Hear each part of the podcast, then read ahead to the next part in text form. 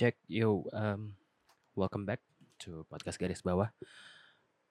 Um, been a while, and I just want to record it this time. And maybe this is the very first episode where I recorded mm,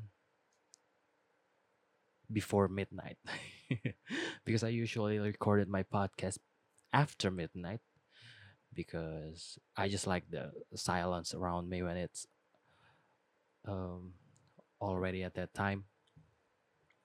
So, as you may notice, this podcast will be mostly in English. Yes, mostly. I don't say entirely in English because maybe sometimes I I might lost in translation or I just don't know how to explain it in English. But yeah, at least I I'll try to make this podcast entirely in English. But if it's not happen, then it is mostly in English. So if you cannot speak English or you at least cannot understand people speaking English, I'm so sorry. Maybe this podcast is not for you. And maybe see you in the next episode where I speak in full in Bahasa Indonesia. So let's start to the topic, shall we? Enough the chit chat, bro. Come on. So uh, this podcast today, I want to talk about self control. Um, I want to talk about this is because yeah, it's for a while I realized that I I am lack of self control. Um, I like to procrastinate a lot. I like to you know wasting my time a lot, and sometimes I'm doing some binge thing. You know what I'm saying? Like um, I'm binge watching YouTube. I'm even binge eating, and a while ago I realized that it is not healthy for for my body, for my physical health, and even my mental health because I usually end up in a situation that I didn't really like. Like I have so many things to do um, in a small period of time, and and then I realized why I end up in the situation is because I procrastinate and I have a lack of self control. Um, then I started my self controlling journey by not tweeting for about a week. it it might sound weird, but for someone like me who is who has who has his opinion and like to share it on Twitter, it is it is something. It is something when when I when I try to not tweet about what I'm thinking. Um, maybe it is a opinion, maybe it's a joke because I usually thinking about a joke and then I tweet it. I'm thinking about something, then I tweet it. I I see something, I tweet it. So it's at some point I think it is also unhealthy because I don't know. I just somehow I just feel it feel like that. So um, I stopped tweeting for a whole week, and whenever I start to type some tweet, I just I just type it and then I, I I- I'm not sending it. I'm not I'm not tweeting it. I'm just typing it and then I I delete the whole the whole thing and then I continue my life. And it comes to the point where I I didn't even think of tweeting things anymore. Like, of course, I still, of course, I still um, see my Twitter. I still Twitter, Twitter. What the fuck? Of course, I still um, opening up my Twitter and I see what's happening on my timeline. But I have the eager to uh, leave some response to something that is bugs my mind every time I see a tweet. Sometimes I see a tweet and I think this tweet is so fucking stupid, and then I leave some response. Then uh, when I when I decided to having uh, s- to have a control of what I'm tweeting, I end up not tweeting at all for the whole fucking week, and I think it's kind of awesome because it just really helps me. Uh,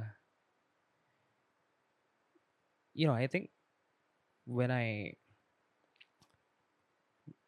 when I'm just tweeting a lot and the when I see something, I leave a response, and I when I think of something, I tweet it. I think I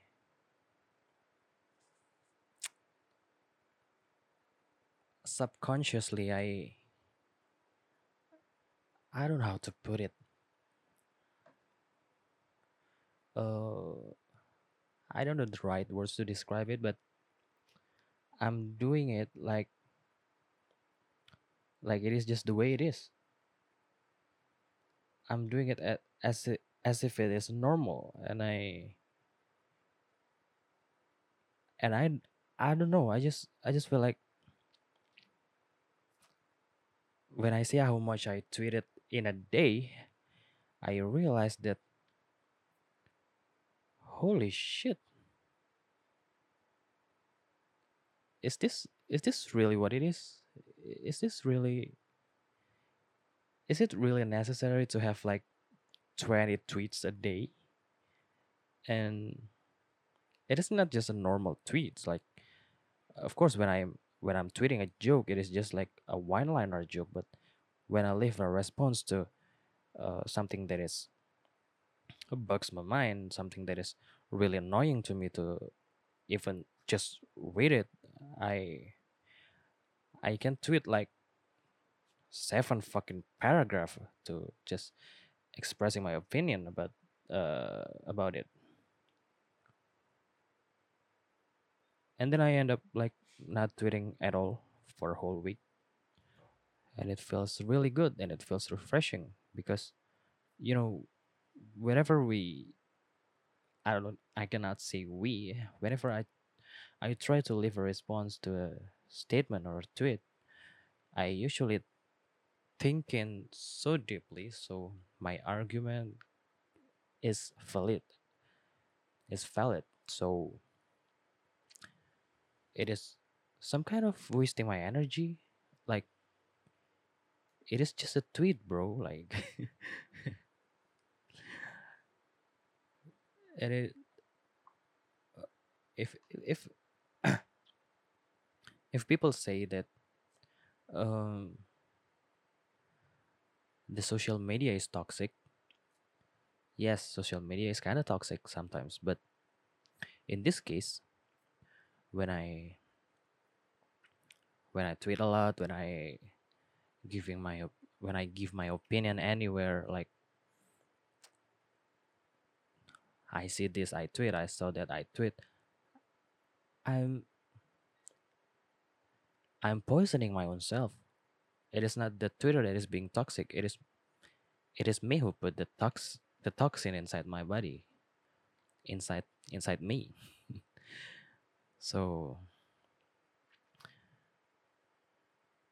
after the whole week of not tweeting anything i feel so refreshed i don't feel i don't feel like the needs of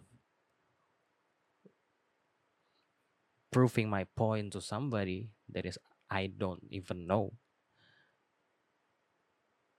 And i feel like i feel more i feel like i'm being more mature in social media and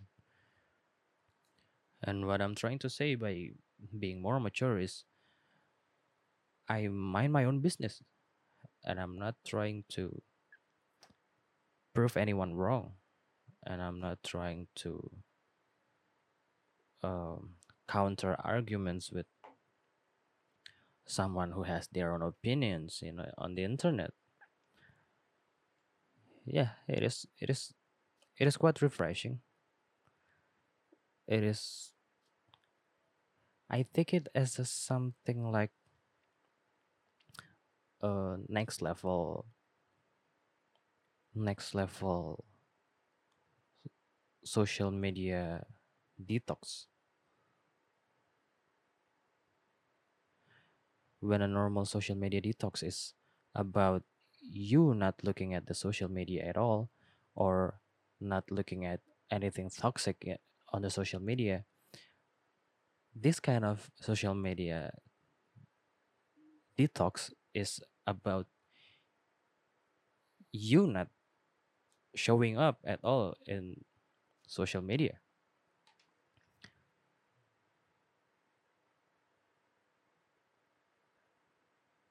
Maybe if you have a habit of binge tweeting i think you should try to the easiest way to done it is by whenever you have an opinion or you have something or anything to tweet maybe you just need to type it and don't tweet it. Just delete the thing and then close your twitter and get back to life. And the next thing about this kind of uh, self-control thing is also about is also about me trying to be vegan for a whole week. I mean i think it's it's kind of easy. Um when when we are talking about being vegan in indonesia it is kind of easy because most of our traditional food is made entirely based on plant based on vegetables and fruits. Like for example uh, traditional food from yogyakarta it's gudeg it is a jackfruit.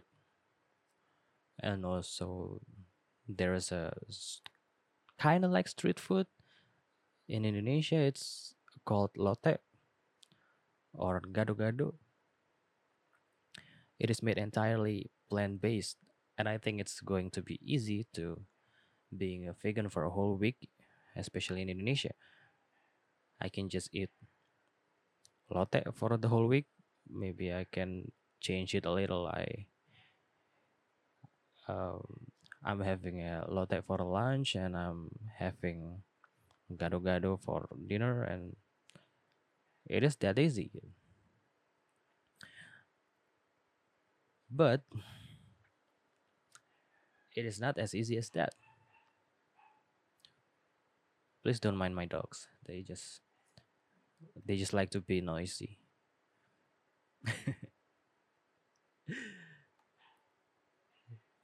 So i want to talk about my dog a little. So i have three dogs.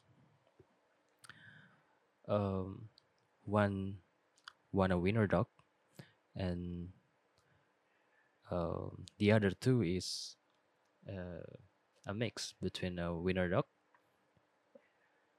and a chihuahua so they they're they're all so small and cute and shit like that. But sometimes they are very noisy and annoying. Okay uh, let's get back to the topic. I i thought it is it would be very easy to be a vegan in indonesia. But i end up struggling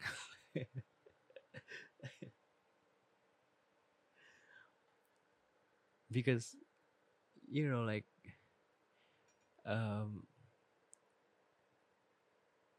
I like I like to go out a lot. I'm just not like going out like going out. I'm just um in the afternoon I just like to um going around my going around my neighborhood, uh, riding my motorcycles and like enjoying enjoying the ride for a while, like for 15, 15 30 minutes. And um, there's a lot of street vendor, street food vendor around my neighborhood. Neighborhood. As you might know, uh, street street food is very appealing, and I'm trying to find a street food that is vegan friendly, and there is none.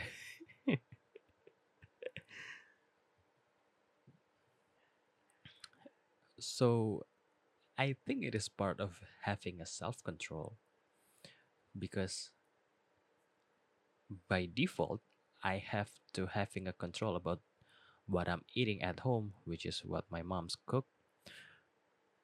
Every time I see something not vegan, I just have to leave it on leave it on the dinner table, and then I eat um, another food that is vegan friendly. I just take the veg, I just take the veggies, or I take the tempeh and I take the tofu or whatever. It is very easy when you're at home, but when you go up, that's that is where the self control begins.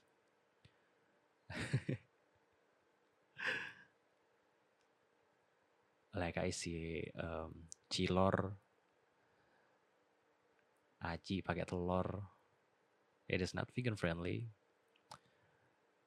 And uh, somai, it is a dumpling. It is fish dumplings actually. If it is if it's somai somai, and also I don't know if cakwe is vegan friendly or not, but I'm not I'm not I'm not sure if it if it's vegan because it is bread. I thought they use some dairy dairy product in it, but I'm not really sure. And also cilok, they usually they usually put some meat product on cilok, bakso tusuk, like fuck man, everything is not vegan friendly. Like um so the idea of these challenges that I uh, give to myself is about fighting the urge to do something I usually do. And in case of tweeting, I'm I'm success, but in case of being vegan for a whole week, I failed. if you want to know how I failed being vegan for a week, so let, let, let, let me tell you this. I challenged myself to be a vegan for a week start from Saturday. Wait, last Saturday. Now it's February 3rd. So it's on Thursday. This podcast is recorded on Thursday, and I start my vegan challenge in the last Saturday. And I failed today because my grandma make uh, sambal ijo. So it's a it's a green chili and mashed green chili.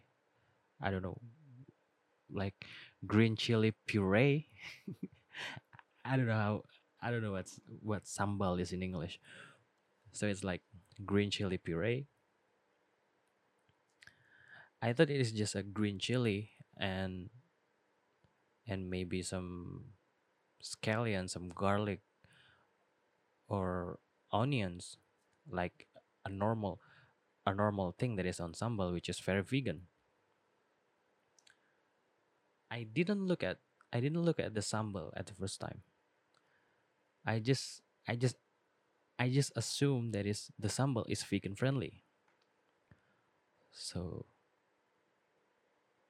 so I I fry the tempeh. I make a fried tempeh in hope of in my mind I'm going to eat the fried tempeh with this delicious smelling sambal before I even see how the sambal actually look like. So I already finished um, making my fried tempeh, and then I took uh, rice on a plate. I put my fried tempeh on top of the rice, and then I see the sambal. There is a fucking teri in it. what is teri in English? What is teri in English? Wait a, wait a second, wait a second. Teri in English. Ikan teri in English. Anchovy. Ah, anchovy. There's an anchovy in the sambal. So I I I lose. I lost. I just I just end up taking a big scoop of the sambal and the anchovies fish. And it tastes so delicious. So I take it as a uh, it is worth it. It is worth it to to break to cancel my victory upon myself.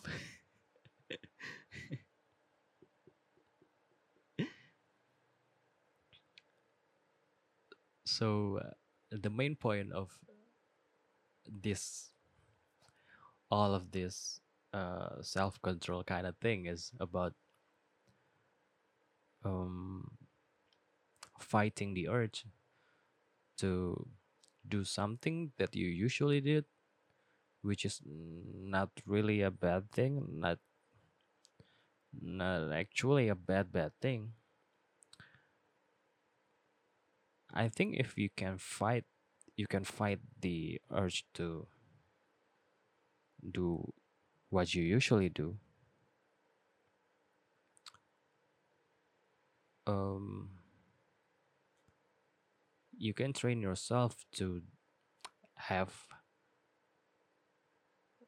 something something more. I mean you can be more productive you can be more focused on what you're doing you can be more you can be more patient and also you can avoid the binging behavior.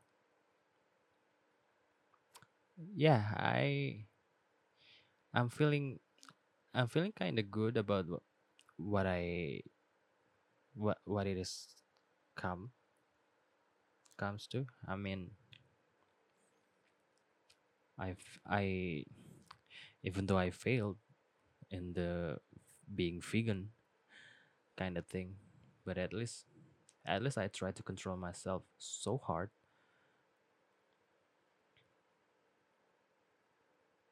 to the point where i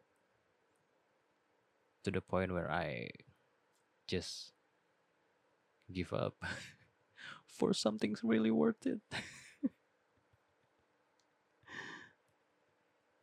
So i will continue my self-control journey next week maybe. And for the next week i have a plan to uh, challenge myself to not procrastinate. So every time there is something i need to do i do it right away. Um, if justin bieber said never say never next week i will do the never say later yeah i think anyone uh, any one of you who is trying to have uh, their life put together or maybe you have something maybe you have something some behavior or habit that is you hate maybe you have to start to find your way to have have your own self control and if it if there's something i can conclude of um, my two week self control journey is if I can control myself to avoid something bad that I like, I also can make myself do something good that I hate. For example, if you have enough self control to not having a midnight snack, I'm pretty sure you have the same amount of self control to make yourself having a workout. I think that's enough to make sense. So, yeah, that is the podcast. I think that's all I want to say today. I want to see how this kind of journey goes and how this experimental thing will turns out for me. Will it make it will it make me a better person or I'm just stay I'm just stays with, with who I am today even though I already try to doing something like these challenges? I I don't know. Just yeah at least I try. Trying to do trying to do better. So that's it. That that's the podcast. Garis Bawah on this episode. Thanks for listening and I wish you have uh, good health and yeah see you in the next episode. Bye bye